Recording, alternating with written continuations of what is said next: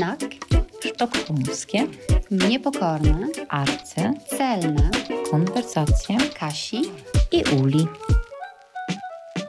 Witamy Państwa bardzo serdecznie w naszym listopadowym snaku. Jest 21 listopada i zapraszamy do naszej dyskusji o wydarzeniach, książkach i serialu, które zainspirowały nas w tym miesiącu. Listopad to oczywiście także miesiąc pochodu upamiętniającego niepodległość, a także miesiąc dyskusji i refleksji nad narodem, nad tożsamością. I właśnie ta tożsamość chyba stanie się też przedmiotem naszej dyskusji, ale w sposób niebanalny, bo będziemy mówić o szwedzkojęzycznym pisarzu piszącym w Finlandii, o fińskim pisarzu piszącym po szwedzku, czyli będziemy mówić o książ książce Niebo koloru siarki Shella Westo. Książka ta została przetłumaczona przez Katarzynę Tubylewicz, dlatego mamy świetną okazję, aby wszystko o niej wiedzieć, także o, o troszkę dowiedzieć się o samym pisarzu. Będziemy mówić także o książce Violetty Grzegorzewskiej, Wilcza Rzeka, która właśnie się ukazała i która opowiada, no nie jest to książka łatwa, książka o przemocy, o ucieczkach, o lęku, ale ta przemoc dzisiaj jest eksponowana coraz bardziej, nazywana i to bardzo dobrze, bo jak, się uczymy się ją rozpoznawać wokół nas i oczywiście jej zapobiegać. Ta dyskusja poprowadzi nas także do serialu, który y, każda z nas obejrzała na Netflixie i y, to jest bardzo ciekawy serial. Seri mówię tutaj o serialu Made, sprzątaczka, który zaintrygował nas i o nim właśnie opowiemy. Taki jest plan. Zapraszamy.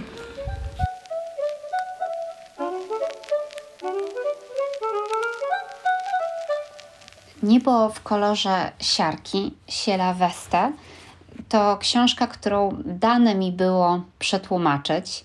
E, jestem ogromnie szczęśliwa, że wydawnictwo poznańskie wpadło na ten pomysł, e, żeby właśnie mnie ten przekład zaproponować.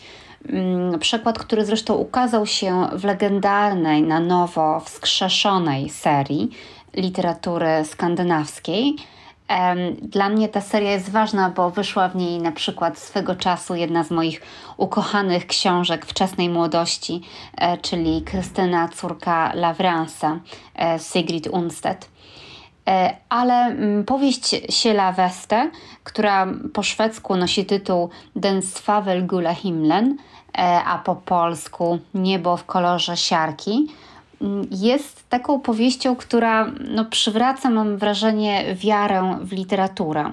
I to taką klasyczną literaturę, w porządnie napisaną, epicką powieść, w którą się po prostu wpada i nie chce się przerwać e, czytania.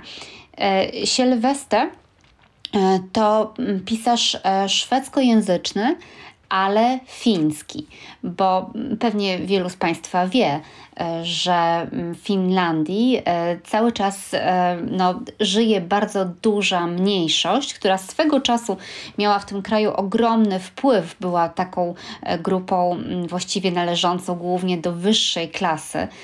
Dzisiaj to się trochę zmieniło, ale szwedzkojęzyczni Finowie, którzy no, mówią po szwedzku, ale troszeczkę inaczej niż Szwedzi, e, którzy wychowali się w Szwecji.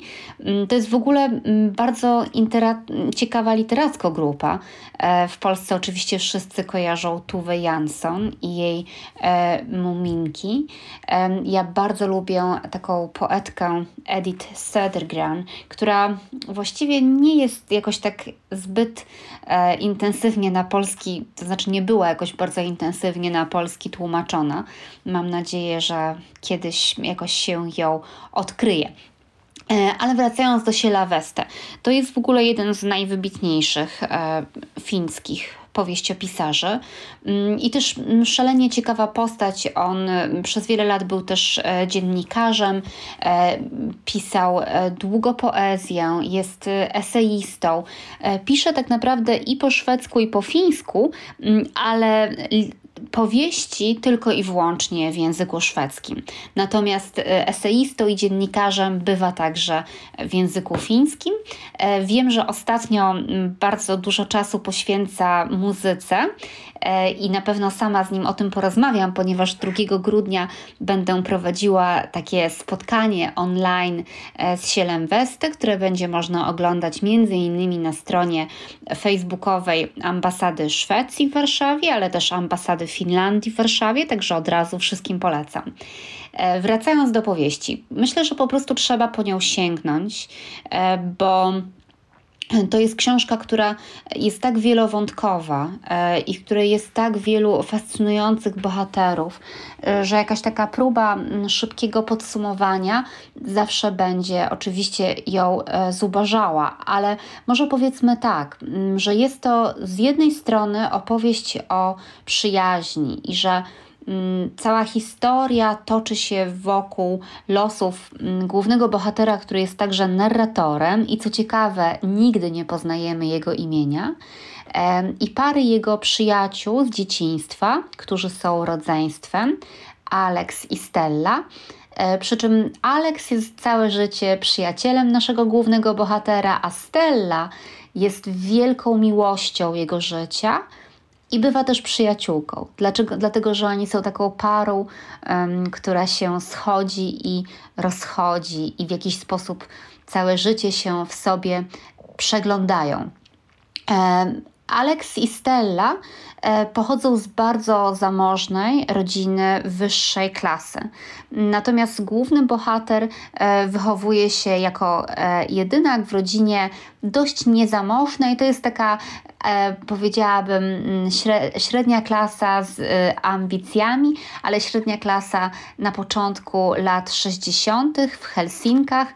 Mm, także to nie są ludzie bardzo zamożni. I, I w ogóle w tej opowieści e, temat klasy społecznej e, i wpływu pochodzenia, wpływu rodziny na całe ludzkie życie mm, jest niezwykle istotny. I ważne jest też to, że Siel Weste opowiada o e, Finlandii, e, mm, znaczy, bo cała powieść toczy się aż przez ponad 40 lat, od lat 60. do współczesności. I mm, dzieciństwo bohaterów rozgrywa się w Finlandii, która jeszcze była nie do końca posegregowana, to znaczy, e, że dzieci z rodzin bardzo zamożnych e, i, i z wyższej klasy mogły chodzić do tej samej szkoły, co mm, dzieci z rodzin uboższych, a nawet bardzo ubogich. To dzisiaj, z tego co wiem, wygląda w Helsinkach dość podobnie mm, do tego, jak to wygląda w Sztokholmie, mm, a mianowicie pewne różnice klasowe wręcz się pogłębiły, mimo że cały rozwój, dążenie ku nowoczesności miało gdzieś tam e, na celu także zwiększanie egalitaryzmu społeczeństwa. E, wracając do bohaterów e, powieści Weste, to mm, ja muszę powiedzieć, że mm, wielu z nich mm, bardzo mnie fascynuje. Ja uwielbiam postać, to znaczy sposób nakreślenia tej postaci, bo być może nie wszystkie cechy jej charakteru, ale uwielbiam postać matki Stelli i Alexa, Klary.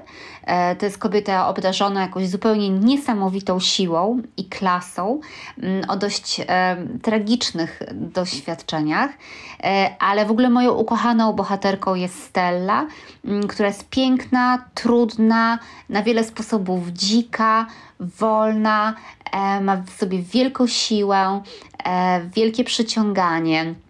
E, no jest taką bohaterką, która w człowieku zostaje i ja po tym jak zakończyłam pracę nad przekładem, wręcz za Stellą tęskniłam.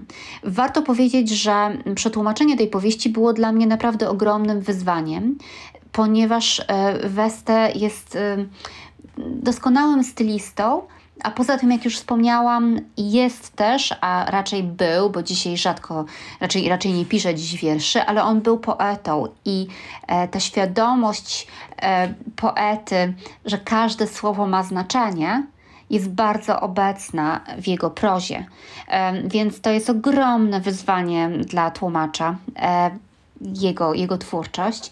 E, dla mnie jeszcze większe z tego względu, e, że mm, ten e, szwedzki, fiński jest troszeczkę inny. Zdarzają się nawet słowa, których nie ma w szwedzkim szwedzkim.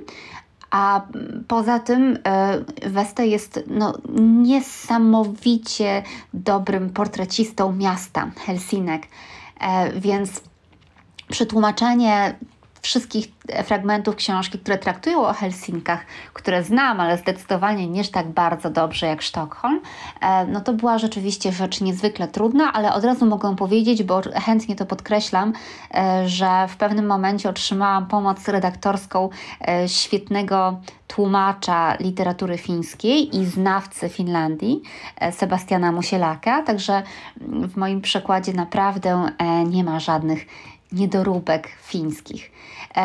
Ponieważ mm, tak trudno jest opowiedzieć e, o wszystkich wątkach e, tej książki e, i ponieważ po prostu trzeba ją przeczytać, żeby zrozumieć, dlaczego właściwie wszyscy, którzy po nią sięgnęli, są zachwyceni i, i, i nie mogą przerwać czytania, kiedy już zaczną czytać, mm, to ja przeczytam tylko taki mały fragment, który opowiada o pierwszym zbliżeniu pomiędzy Stellą a naszym głównym bohaterem.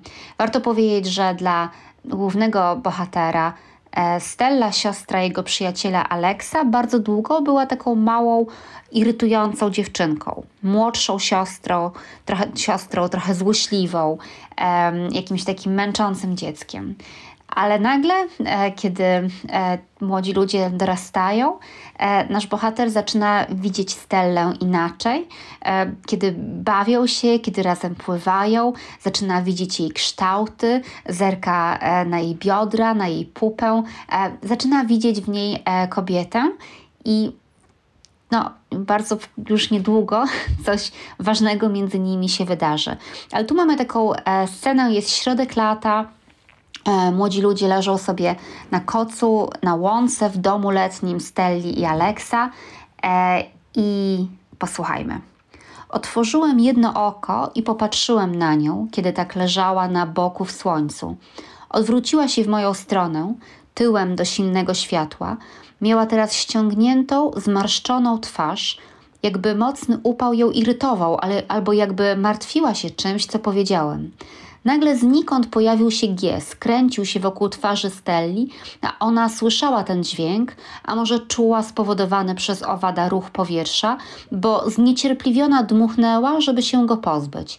Poczekałem, aż gies uniósł się wyżej nad jej głową i uderzyłem dłonią w powietrze tak, że prawie udało mi się go trafić. Poddał się wtedy i zniknął. Na twarzy Stelli z powrotem pojawiło się zatroskanie. Z taką miną nie wydawała się piękna, ale w zafrasowanych rysach było coś rozbrajającego. Aż wypełniło mnie uczucie, jakiego nigdy wcześniej nie znałam, jakby ktoś otworzył drzwi w mojej klatce piersiowej, a za nimi znajdowało się nowe niebo i zupełnie nowy kosmos. Z jasnego pasma włosów Stelli opadła kropla potu, która zaczęła się toczyć wzdłuż skroni i kości policzkowej, a potem nagle skręciła i przecięła piegowatą skórę twarzy. Mięśnie skurczyły się, ale Stella nie zareagowała, nie otworzyła oczu i nie podniosła ręki, żeby zatrzymać niesforną kroplę, która dotarła już do kącika ust i wpłynęła między rozchylone wargi. Za nią podążyła następna kropla, która uwolniła się w górnej części skroni i zaczęła płynąć w dół, podążając tą samą ścieżką co pierwsza. Nie rozumiejąc, co robię, uniosłem się na łokciu, pochyliłem się i zlizałem tę drugą kroplę. Zessałem ją z policzka Stelli, zanim dotarła do kącika jej ust. Smakowała solą, trochę cierpko. Mam nadzieję, że zachęciłam wszystkich do tego, by sięgnąć po tę książkę, mm, która ma naprawdę wiele fascynujących wątków, porusza wiele ważnych też współczesnych tematów i myślę, że też w niesamowicie ciekawy sposób mówi o pamięci, o tym, jak, jak pamiętamy, co pamiętamy, jak czasem zapominamy, nie zdając sobie z tego sprawy, że coś z pamięci wyparliśmy i czym jest ten świat, którego już nie ma, ale który już niedawno jeszcze był. E, czy da się o tym świecie opowiedzieć?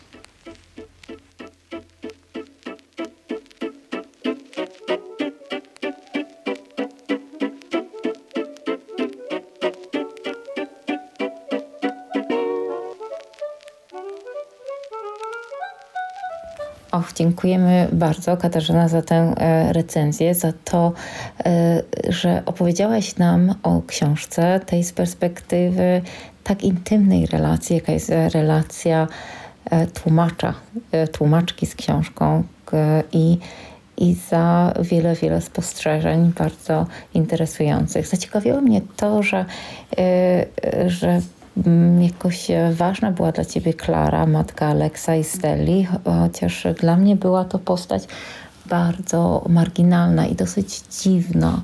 Dziwna matka, zresztą w ogóle w tej książce wydaje mi się są raczej dziwne i jakoś odległe matki. E, e, Klara, która wchodzi w jakiś pakt ze swoim jeszcze wtedy przecież bardzo młodym synem i udaje, że że ojciec wcale nie jest chory i nie jest w szpitalu psychiatrycznym. Później ten związek z e, bogatym e, drugim partnerem, Hansem wspaniałym, to, że właściwie jest pomiędzy dwojgiem skłóconych ze sobą dzieci na samym końcu to faktycznie jest e, dziwna postać i chyba koniecznie muszę się jej e, przyjrzeć jeszcze raz, właśnie z tej e, Twojej perspektywy, takiej, taka trochę zaciekawiona. A wątek miłości i w ogóle miłości głównego bohatera to bardzo ciekawe, bo już w jakiejś recenzji na stronach naszego znakowego Facebooku pisałam, że książka ta jest, e, czy mówiłam, że książka ta jest tak dziwna, że dopiero na 230 stronie kiedy już myślimy, że wiemy, kto jest miłością życia głównego bohatera, czyli Stella, e, dowiadujemy się o kolejnej miłości jego życia, czyli Lindzie. E, do tej pory tylko Stella była, a na tej 230 stronie, czyli e, na, w połowie książki, okazuje się, że, mm, że bohater mówi z nonszalancją prawdziwą, e, cytat, przez całe życie kochałem Lindę Vogt. No i nam się wydaje, że jest to absolutne objawienie i, i, i dziwne to jest, a jednocześnie narrator, autor, e, główny bohater jednocześnie opowiada o tym, jak trudno jest opowiadać, e, co powoduje, że powieść jest jednocześnie powieścią autoteliczną, powieścią o pisaniu i o tym, jak trudno pisać o pisaniu i o swojej, swoim życiu. Bardzo fajna, fajna rzecz, książką, którą trzeba przeczytać. A ja jeszcze dodam, że niebo w kolorze siarki to też niezwykle ciekawa wyobraźnia malarska. Mam wrażenie, że te opisy, e, opisy, które e, operują i kolorami, i światłocieniem, e, naprawdę powodują, że widzimy tę mapę Helsinek, którą rysuje nam Westo na kartkach e, powieści. E, ja wiem, że reklamowanie książki przez opisy nie jest doskonałą strategią, ale w tym przypadku e, to naprawdę warto zaznaczyć, warto podkreślić.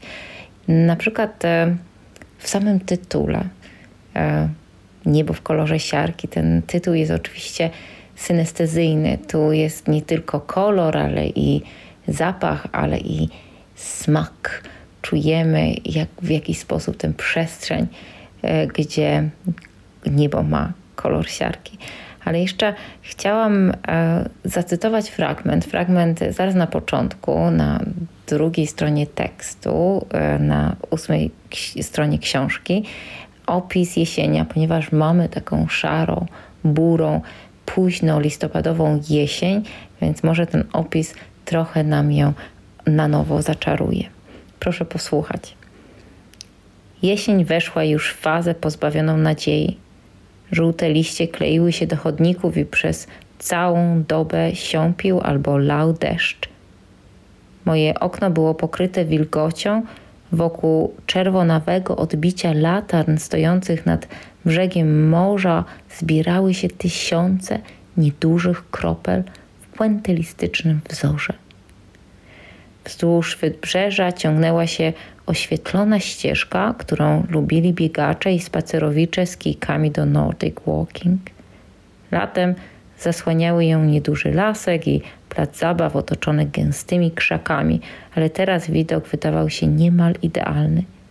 Za to pogoda była fatalna, więc i tak nie dało się dostrzec żadnego biegacza ani spacerowicza. Mimo to nagle zacząłem mieć wrażenie, że na dole ktoś się porusza. Za rosochatymi krzakami przy placu zabaw, tuż przy brzegu, obok pomostu wspólnoty mieszkaniowej, nie chodziło o zwykłego przechodnia. Taką osobę bym po prostu zobaczył. To był raczej ktoś, kto siedział w kucki.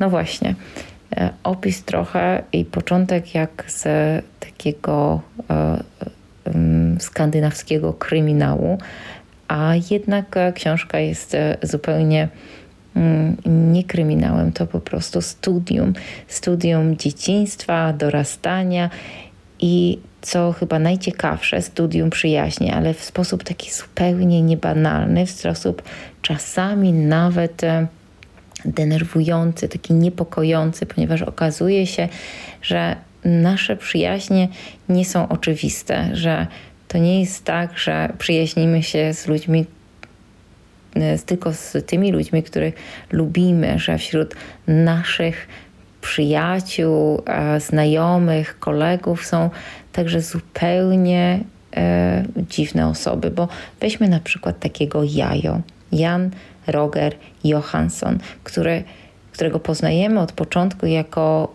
no, przemocowca, jako już dziecko znęcał się nad innymi e, dziećmi, więc postać w zasadzie odpychająca, a także, a jednak ta postać trochę przez taką podstawową, e, rozgrywającą postać w całej paczce, czyli postać Alexa, wchodzi do paczki i staje się kolegą wszystkich. E, kolegą, który jednocześnie od czasu do czasu daje w nos, w twarz i w wszelkie kości innym kolegom, ale tę przemoc jakoś się mu wybacza. To jest dla mnie niezwykle e, trudne do zrozumienia. Nie bardzo e, umiem rozgryźć tę postać i ani nie umiem rozgryźć funkcji tej postaci, ale może o to chodzi, że książka ta e, pokazuje nam, że życie każe nam cały czas chodzić na, e, iść na jakieś kompromisy i każe nam cały czas manewrować mi, między różnymi opozycjami, między różnymi e, takimi podziałami na dobry i zły, wróg i przyjaciel, że rzeczywistość nie jest taka oczywista, zwłaszcza rzeczywistość dzieci, rzeczywistość e, osób dorastających. A teraz opowiedzmy o serialu. Serial, który nas zainspirował, zaintrygował. Serial Made, sprzątaczka e, na platformie Netflixowej. E, serial pojawił się na początku października i wywołał olbrzymie zainteresowanie.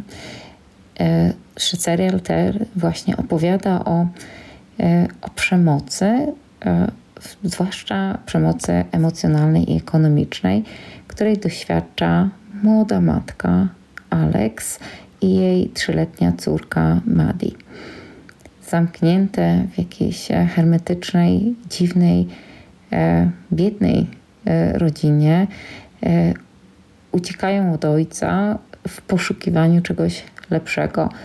E, matka musi e, pracować właściwie ponad swoje siły, aby zapewnić e, sobie dach nad głową, sobie i oczywiście dziecku, ale musi też zmagać się z, z jednej strony z tym, aby dziecko mogło przy niej pozostać, a z drugiej a z tym, jak wytłumaczyć wszystkim dookoła, co się e, dzieje, ponieważ e, nie do końca wszyscy są po jej stronie, nawet e, jej matka nie do końca wierzy w racjonalność jej czynów.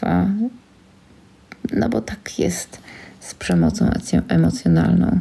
Nie, po prostu nie widać siniaków na e, ta książka, ta, ten serial powstał na podstawie książki, e, książki autobiograficznej Stephanie Land pod tytułem Sprzątaczka: Jak przeżyć w Ameryce, będąc samotną matką pracującą za grosze.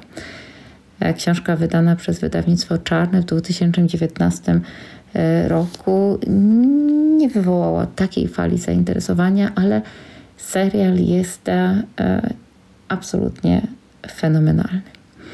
Na mm, stronie internetowej e, Feminoteki pojawia się opis e, tego serialu i tam e, są bardzo ładnie przekazane, przedstawiane właśnie mm, trzy hasła. Przemoc emocjonalna to przemoc, przemoc ekonomiczna to przemoc, za przemoc odpowiada sprawca przemocy. Te trzy właśnie lakoniczne, hasłowe informacje to główne przesłanie tego e, serialu, który każdy powinien zobaczyć, aby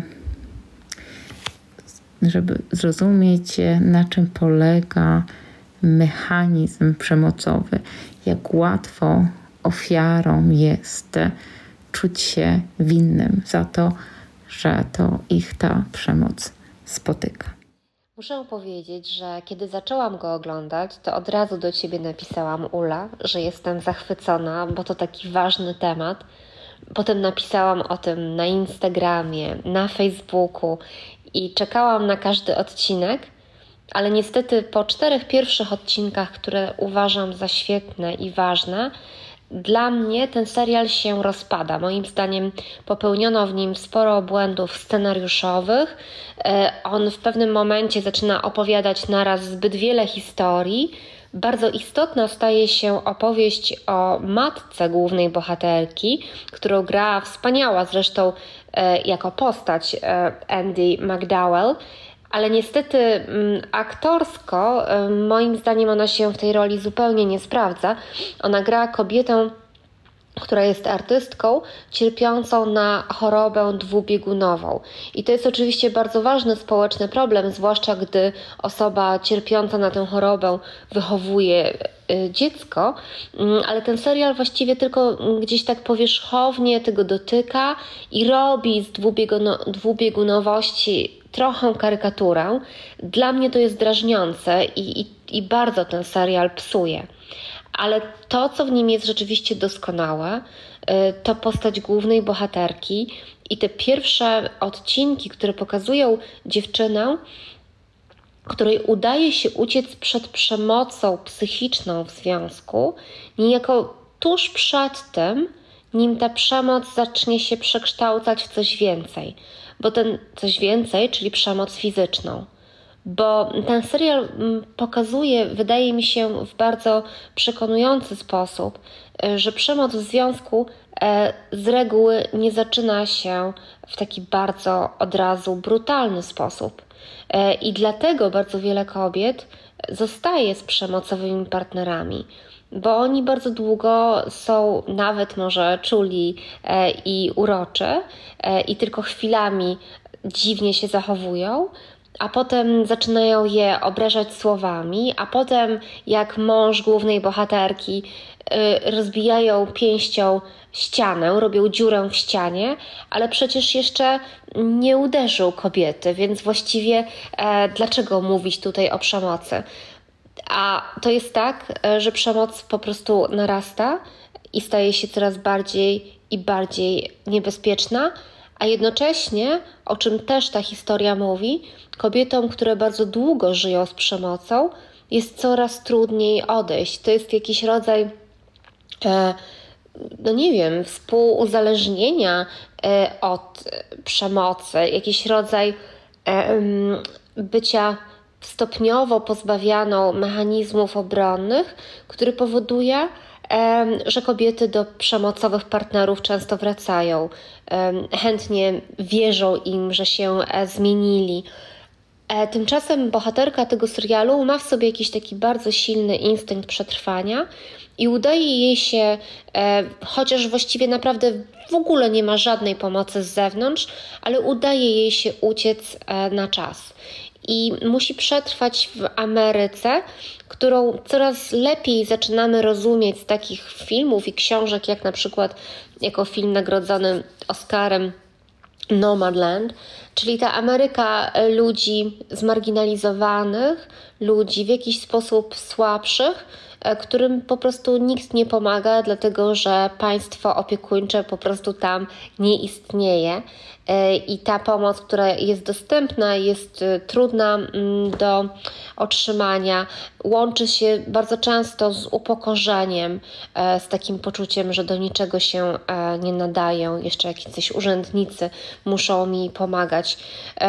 W tym sensie to jest kolejny film na podobny, bardzo ważny temat o którym e, dość mało się mówiło, dlatego że Amerykę nam e, tylko idealizował Hollywood e, i, i cały czas byliśmy pasieni tymi mitami na temat robienia wielkiej kariery od pucybuta do milionera. Chociaż jeżeli ktoś na przykład uważnie czytał Janusza Głowackiego albo znał e, jego dramaty, widział je na scenach teatru, no to e, ten rodzaj opowieści o Ameryce, takiej po prostu podłej i nie dającej szans, tak naprawdę już gdzieś był, ale on nie był oglądany jako niesamowicie popularny serial na Netflixie. Także powiedziałabym tak, e, że Made wprowadza ważny temat – jest w tym serialu e, sporo świetnych rzeczy. E, pierwsze odcinki są elektryzujące, doskonałe. Potem, moim zdaniem, to się psuje aż tak bardzo, że ja wręcz nie obejrzałam tego serialu do końca, ale nie ukrywam, e, że ja mam w sobie taki rodzaj kapryśności, który też powoduje, że potrafię odłożyć w połowie książkę, e, która nagle przestanie, przestaje spełniać moje oczekiwania, a już żeby przerwać oglądanie serialu, z tym nie mam żadnego problemu, bo po prostu szkoda mi czasu na coś, co przestaje być tak dobre, jak było na początku. Ale e, wielki plus za bardzo ważny temat. Bardzo ciekawe jest to, że nie podobały Ci się późniejsze odcinki Made i zaraz, zaraz chciałam zapytać, czy w ogóle nie, nie obejrzałaś do końca? Nie, to znaczy... E, nie wiesz, jak się skończyło? No, w końcu zaczęłam oglądać... E, chyba to był ostatni odcinek, kiedy główna bohaterka zaczyna prowadzić e, kursy pisania E, I tak mnie to jakoś zirytowało, e, scena kursu, że stwierdziłam, nie mam siły, nie oglądam. Więc będziesz musiała mi powiedzieć, jak się skończyło, ale to nie teraz. Tylko... Nie, dobrze, to ja zdradzę Ci, jak się skończyło, e, nie teraz, ale faktycznie to miałaś trochę dobrą intuicję, że jest w, w tej opowieści jakieś takie zakończenie bajkowe, co być może nawet nie jest zgodne z prawdą, jeżeli chodzi o powieść, o tym, jaka, jaka jest dalsza taka biograficzna, autobiograficzna historia autorki i to, że tak naprawdę historie przemocowe nie kończą się jakimiś przenosinami, przeprowadzką, że w momencie, kiedy mamy doświadczenie przemocy, to bardzo trudno od nich się odciąć, od tych doświadczeń i że, bar, że one, te, te, ten bagaż e, negatywnych emocji y, trzeba nieść w zasadzie bardzo, bardzo długo, a być może e, zawsze. Dlatego jest tak ważne, abyśmy rozpoznawali przemoc i jej zapobiegali. Ale wiesz, ale właśnie to akurat, no nie widziałam zakończenia, ale, ale w tym filmie od początku e, widać było, że ta bohaterka właśnie ma w sobie siłę, E, która pozwoli jej się e, wydostać z sytuacji, w której się znajduje. I mnie akurat bardzo interesuje w ogóle wątek wychodzenia z roli ofiary. Zajmowałam się tym tematem na przykład w bardzo zimnej wiośnie. Ja jednak bardzo wierzę w to, e, że to jest możliwe. Że, mm, że to nie jest tak, mm, iż my jesteśmy determinowani przez te jakieś traumatyczne przeżycia na, na zawsze one gdzieś w nas są, ale ja, ja bardzo wierzę w to, e, że można zmienić swój los. E, więc chcę wierzyć w takie bajki, co nie zmienia faktu, że ostatnie odcinki serialu e, pozostaną chyba przeze mnie niezobaczone, bo tak mnie zaczęło wszystko irytować. Tak, bardzo też mi się podobała kategoria czytelniczki, ty, czy też spektatorki kapryśnej. To jest, e, ja myślę, że to jest bardzo fajne, żebyśmy nigdy nie czuli się winni e, wobec tego, że, a winne wobec tego, że coś porzucamy. To jest po prostu wina jakby nie, niedbałości, właśnie jak ty mówiłaś, albo scenariuszowej, albo czasami narratorskiej, więc porzucajmy, porzucajmy, proszę Państwa, jeżeli nas nie trzymają w napięciu i nie mamy mieć, nie mamy, nie ma takiego obowiązku, żeby książkę e, skończyć. Ja, ja tak uważam, mimo że istnieje pewien taki mit, y, że to właśnie trzeba zawsze robić. Ale tak, tak, ale to y, o tym jest znak, y, aby wszelkie mity dekonstruować. E, zacznijmy od, teraz opowieść o książce, e, nowej książce wydanej w tym miesiącu, nowej książce Wiolety Grzegorzewskiej, pisarki piszącej po polsku, a poetki i pisarki piszącej po polsku, ale żyjącej właściwie od 2006 roku za granicą Wielkiej Brytanii. Y, pisarka ta jest dla mnie bardzo ważna, jest e, i moją przyjaciółką, i e, też bardzo, bardzo ciekawą pisarką. I jej nowa powieść, Wilcza e, Rzeka, jest chyba powieścią, której nie da się zatrzymać, porzucić w, po, w połowie czytania, ponieważ chce się znać tę opowieść. Powieść ta jest dosyć eksperymentalna, ponieważ duża część jej powstała na mm, podstawie e, wpisów e, facebookowych e, i mnóstwo z nas, które, którzy jesteśmy w, w gronie przyjaciół facebookowych i śledzi, którzy śledziliśmy te wpisy, mniej więcej wiedziało od początku, o czym ta książka jest. I to jest bardzo ciekawe doświadczenie czytelnicze, aby czytać narrację, którą już się zna w, taki, w, w takich um, mał, małych fragmentach i zobaczyć, jak ona wygląda w książce wydrukowanej. Tak, e, zgadzam się i dodam, że ta książka e, mnie zupełnie zachwyciła. E, I ona jest moim zdaniem najlepszą książką Violetty Grzegorzewskiej.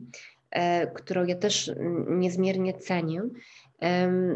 Ale, ale ta książka e, ma w sobie bardzo wiele odwagi, także takiej odwagi wynikającej z e, bardzo dużej autobiograficzności tej opowieści. Ale także mówimy tu o odwadze kobiety, która całkowicie zmienia swoje życie, już bohaterki książki, Wioli, odwagi pisania o uczuciach, o emocjach, odwagi, moim zdaniem, jakiegoś takiego. Bo, bo powiedzmy sobie tak, że jednym z bardzo ważnych tematów w tej książce jest bezdomność. E, mamy autorkę, o której w ogóle wiemy, że odniosła sporo sukcesów, że nawet była nominowana do nagrody Bookera, która nagle pokazuje nam się po pierwsze jako kobieta, która tkwiła latami w małżeństwie z alkoholikiem, e, w którym były też jakieś takie elementy e, przemocowe, tak. Mm, po drugie, ona bardzo otwarcie opowiada o całkowitej całkowitym wykluczaniu finansowym, o konieczności wykonywania jakichś zupełnie okropnych e, prac, jakieś prace w McDonaldzie, sprzątanie i tak dalej, a później opowiada o sytuacji, w której ona decyduje się z córką e, wyjechać mm, z wyspy White. Były mąż pomaga załatwić jakieś mieszkanie, ale e, to nie działa, między innymi ze względu na to, że zaczyna się pandemia. E, I narratorka, która wiemy jest też po prostu Violettą Szegoszewską e, i wiemy to także z jej opisów tych historii na Facebooku, e, ląduje z córką no, w jakimś takiej przechowalni, w jakimś takim, nie wiem jak to nazwać, skłocie, w domu wędrowca. No trudno to do końca nazwać, czym jest to miejsce, w którym ona mieszka, no ale jest to jakaś zupełnie fatalna sytuacja życiowa i mnie fascynuje to, e, że ona on opowiada o tym z taką wielką szczerością i jednocześnie z taką wielką godnością, bo bardzo łatwo jest e, wstydzić się w dzisiejszych czasach biedy, wstydzić się porażki, albo opowiadać o tym w taki sposób, że odbiorca tylko i wyłącznie mm, odczuwa współczucie. E, a ona opowiada o pewnej, o, o wylądowaniu w jakichś najniższych klasach społecznych, ale być może przez ten jej wzrok pisarki, wzrok poetki, być może przez jej język, być może przez to, że przy okazji jest niesłychanie zakochana i ta miłość, o której opowiada, po prostu unosi wszystko o kilka centymetrów nad ziemią, ale ona właśnie jest postacią zachowującą godność w niegodnych warunkach, ale ona nas nie oszukuje, mówi nam o wszystkim prawdę, a jednak właśnie mm, zachowuje szacunek dla siebie e, i my też ten szacunek mamy. Moim zdaniem to jest jakiś rodzaj e, mistrzostwa, tak mówić o marginalizacji, tak pisać o marginalizacji. To bardzo ciekawe, co opowiadasz, bo być może właściwie tak jest, że ten narrator, narratorka tej opowieści to jest narratorka, która od początku, w momencie, tak, że gdzie, kiedy ta książka powstaje, jest już w jakiejś w jakimś stanie zakochania, fascynacji i nadziei na coś innego, że, że gdyby to była narratorka, która pisze w tym domu dla e, samotnych, e, e, narażonych na przemoc domową kobiet, w tym strasznym domu, gdyby ona pisała właśnie w stanie lęku, bez takiego bufora miłości, może to była inna narracja, ale faktycznie to jest bardzo fajna opowieść i bardzo ciekawy język, ponieważ e, od samego początku na, w tej e, powieści, kiedy e, poznajemy jej byłego męża, Adama, który przecież wiemy, że w ciągu kilku stron wiemy, że no, nie pokaże nam się od najlepszej strony, to jednocześnie ta, ten początek powieści, ten początek, jedna, dwie strony pokazania tego młodego, e, zafascynowanego językiem, literaturą, studiującego polonistykę na Uniwersytecie Jagiellońskim e, chłopaka z Częstochowy, jest w jakiś sposób e, bardzo łaskawe. To znaczy, ona potrafi napisać nawet o, jakby nie było trochę swoich wrogach, e, e, osobach, których, które ją rozczarowały w sposób bardzo empatyczny. I to jest, to jest jednak cecha bardzo dobrej pisarki, która potrafi od swoich doświadczeń prywatnych trochę się zdystansować i, i pisać. I pisać tak, że, że my wiemy, my rozumiemy, dlaczego ona zakochała się e, w tym Adamie. Jak czujemy, czujemy właśnie te opowieści, e, chociaż ta miłość jest jednak miłością e, wzruszającą, e, rozumiemy jej, ale nie ma w tej miłości żadnego jakiegoś absolutnej fascynacji. To jest trochę taka jak miłość lekka, jak, jak przystaje na akademik pod tytułem Skrzat, albo na romans, gdzie, gdzie amant wozi swoją ukochaną na, e, na rowerze górskim. E, tak. zamiast karocy.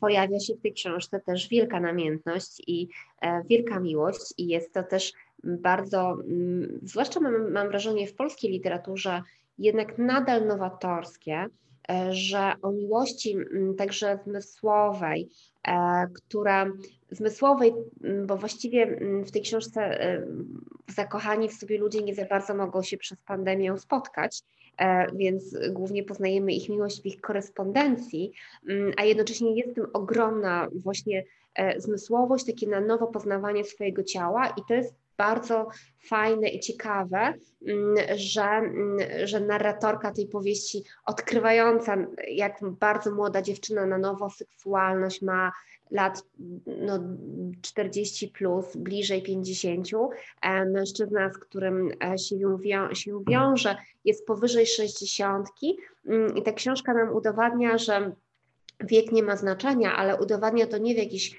e, kiczowaty, hollywoodzki sposób, tylko właśnie na poziomie genialnie chyba opowiedzianej historii, rzeczywiście z niezwykle e, ciekawym e, językiem.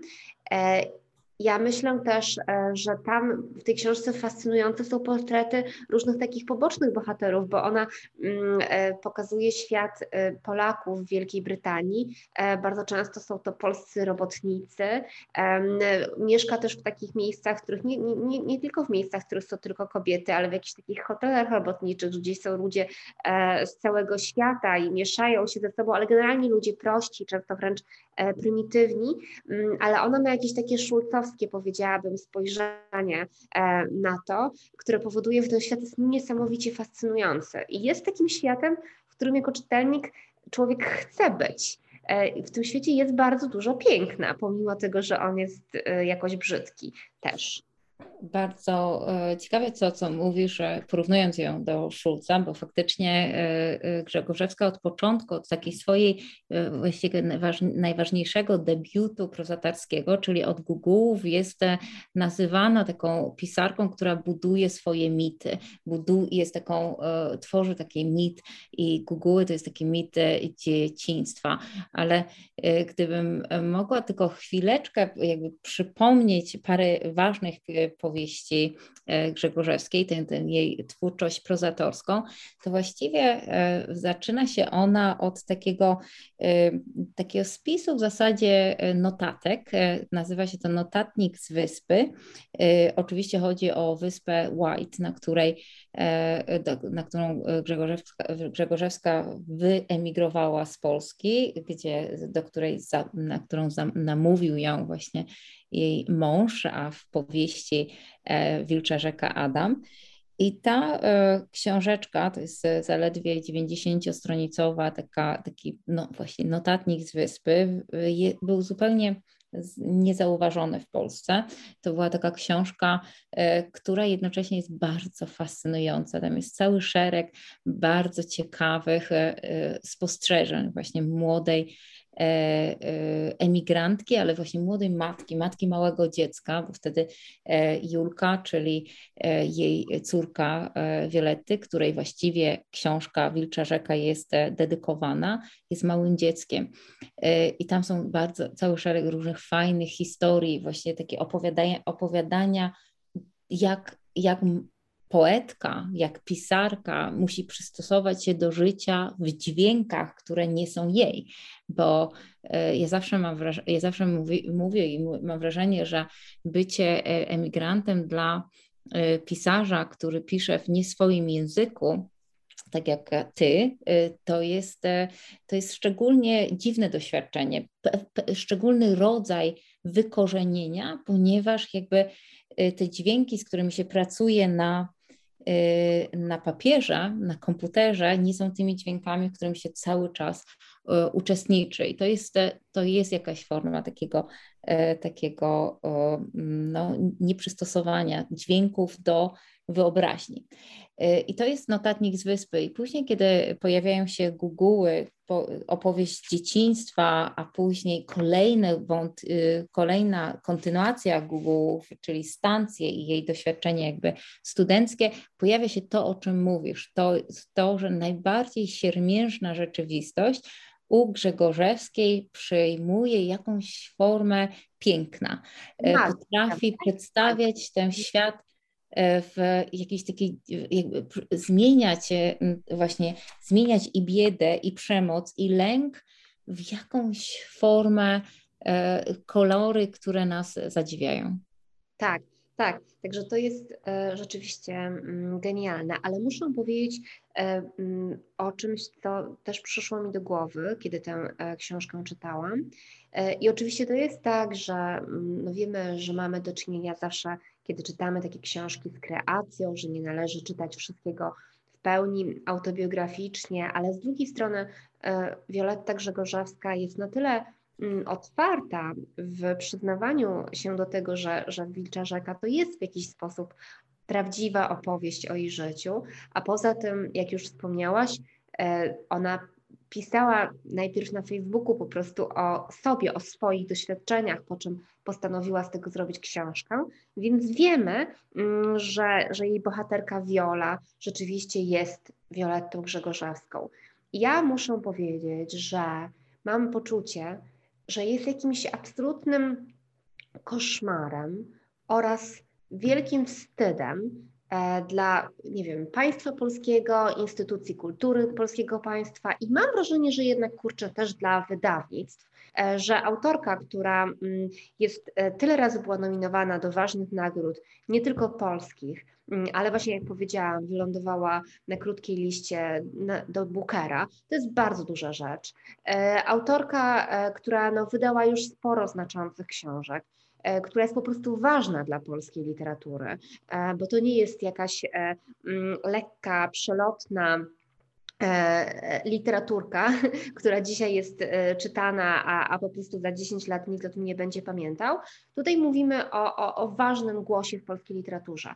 I to, że taka osoba po prostu e, m, musi pracować e, w McDonald'sie, e, pracować jako e, sprzątaczka, mieszkać e, w jakichś przytułkach, że nie otrzymuje żadnego porządnego stypendium od państwa polskiego, że ona po prostu jest naprawdę, żyje poniżej e, wszelkich możliwych, myślę, e, standardów ekonomicznych, będąc uznaną polską pisarką, to po prostu naprawdę tego się chyba nie da inaczej określić, że to jest jakieś takie dziadostwo polskiej kultury i też jakaś taka obrzydliwość świata, w którym, żeby e, w ogóle jakoś zaistnieć finansowo, to po prostu trzeba być na miejscu, mieć wszystkie kontakty, e, załatwić sobie różne e, stałe artykuły i nie można liczyć na to, że ci, którzy są za to odpowiedzialni, czyli A, instytucje kultury, Ministerstwo Kultury rozdające stypendia, B, wydawca, który po pierwsze powinien jednak chyba trochę więcej płacić autorom, a poza tym trochę może czasami też chodzić wokół ich spraw, że to naprawdę e, tak może wyglądać, to to jest jednak kurczę szok. I w tym sensie ta książka jest bardzo ważnym dokumentem epoki i jest chyba nieświadomym i niezamierzonym oskarżaniem całego tego świadka kultury, w którym jest jakiś okropny syf. Ja myślę, że to jest e, bardzo ważny głos. My nie opowiemy o książce e, w, w tym e, snaku. Na pewno o niej, o niej napiszemy jeszcze na, na Facebooku, bo to jest bardzo ciekawa rzecz, ale ten manifest, który tutaj teraz nam przedstawiłaś, to jest, to jest coś, co jest niezwykle istotne. Proszę Państwa, myślenie o kulturze jako o kulturze, która jest, którą pochłania bieda, jest jakimś, jakimś absolutnym koszmarem. Myślenie też o wszystkich pisarzach, którzy pisarzach, tłumaczach, artystach, poetach, którzy e, jednocześnie muszą, muszą być swoimi mecenasami, którzy cały czas muszą dbać o to, żeby e, wypełniać wszystkie, wszystkiego, jakiegoś, jakąś stosy idiotycznych aplikacji. To jest, to jest coś, co jest jakby chorobą nowo, nowoczesności. Nie jest to tylko cecha polska, bo wszędzie jakaś taka biurokratyczność się pojawia, ale wiemy też, jak o wiele łatwiej jest dostać stypendia w, w Szwecji, jak jest i jak łatwo jest to e, w jakiś sposób przeżyć, ale właściwie nawet ta kategoria przeżycia jest tutaj straszna, e, zwłaszcza w kontekście pisarki, która jest absolutnie, absolutnie ważnym i rozpoznawalnym e, elementem now, naszej nowoczesności, naszej polskiej nowoczesności. Ona nam naprawdę opowiada świat, naszą polskość taką post 2004, po, wchodze, po wejściu Polski do Unii Europejskiej i opowiada z takiej właśnie perspektywy, która jest perspektywą nieoczywistą, perspektywy przy, przyjrzania, przy, przy, przyglądania się biedzie, ale naprawdę, że, że musi w tej biedzie uczestniczyć, to jest tak, jak mówisz, skandal. To znaczy, że pamiętajmy właśnie, że to jest autorka, która już odniosła spore sukcesy. Ona jest jakimś ważnym nazwiskiem polskiej kultury. I w tym momencie, jeżeli taka autorka nie ma szansy na to, by wynegocjować lepsze zaliczki, e, by mm, mieć właśnie e, e, jakieś stałe teksty w polskiej prasie poświęconej kulturze, no takiej pracy też za dużo nie ma, które pomagałyby jej żyć, to już jest coś moim zdaniem bardzo specyficznie polskiego. E, bardzo mi przykro, ale jednak jak się porównuje na przykład no, procent, ile pisarze zarabiają od, mm, od sprzedaży książki, na przykład e, w Szwecji czy Norwegii, czy w Wielkiej Brytanii, e, a, a w Polsce, no tak. to powiedzmy sobie, że e, polscy pisarze są naprawdę e, w dużo gorszej sytuacji. A poza tym mam wrażenie, że mm, ten problem takiego wydawania niesamowitej liczby tytułów przez wydawnictwa powoduje, że nie ma czasu na to, by mm, jednak zauważyć, że są pewni autorzy, o których troszkę należałoby może bardziej zadbać, dlatego że mówimy o autorach ważnych. To, to, to jest jakiś rodzaj e, porażki. To, to, to po prostu chyba musi się w końcu zmienić. Ale to bardzo ciekawe, e, że o tym mówimy na, na końcu, ponieważ to jest chyba uczucie, które towarzyszy każdemu czytelnikowi, każdej czytelniczce e, Wilczej Rzeki. Właściwie jak to jest możliwe?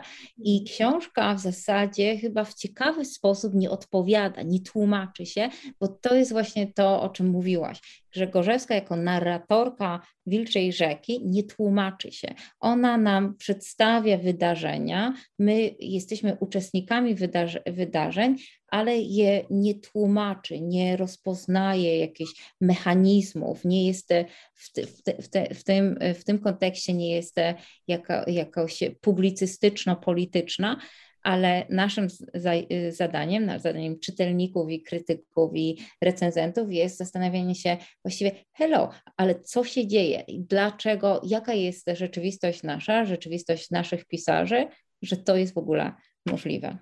Mm, dokładnie. Dobrze. E, Wilcza Rzeka, Wioletta Grzegorzewska, rzecz niezwykle y, ciekawa i ważna do przeczytania, jak mam nadzieję Państwa o tym przekonaliśmy, przekonałyśmy. Zapraszamy oczywiście też na nasz felieton, w tym, w tym miesiącu rzecz o świętowaniu i co Szwecja nam mówi, felieton w wysokich obcasach ekstra, co miesiąc felieton znaku.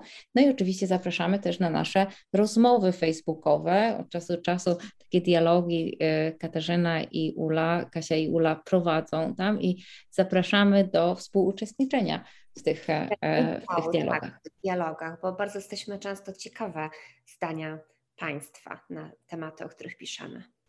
Serdecznie pozdrawiamy i do zobaczenia w grudniu, 21 grudnia. Znak. Sztokholmskie. Niepokorne. Arce. Celne. Konwersacje. Kasi. I Uli.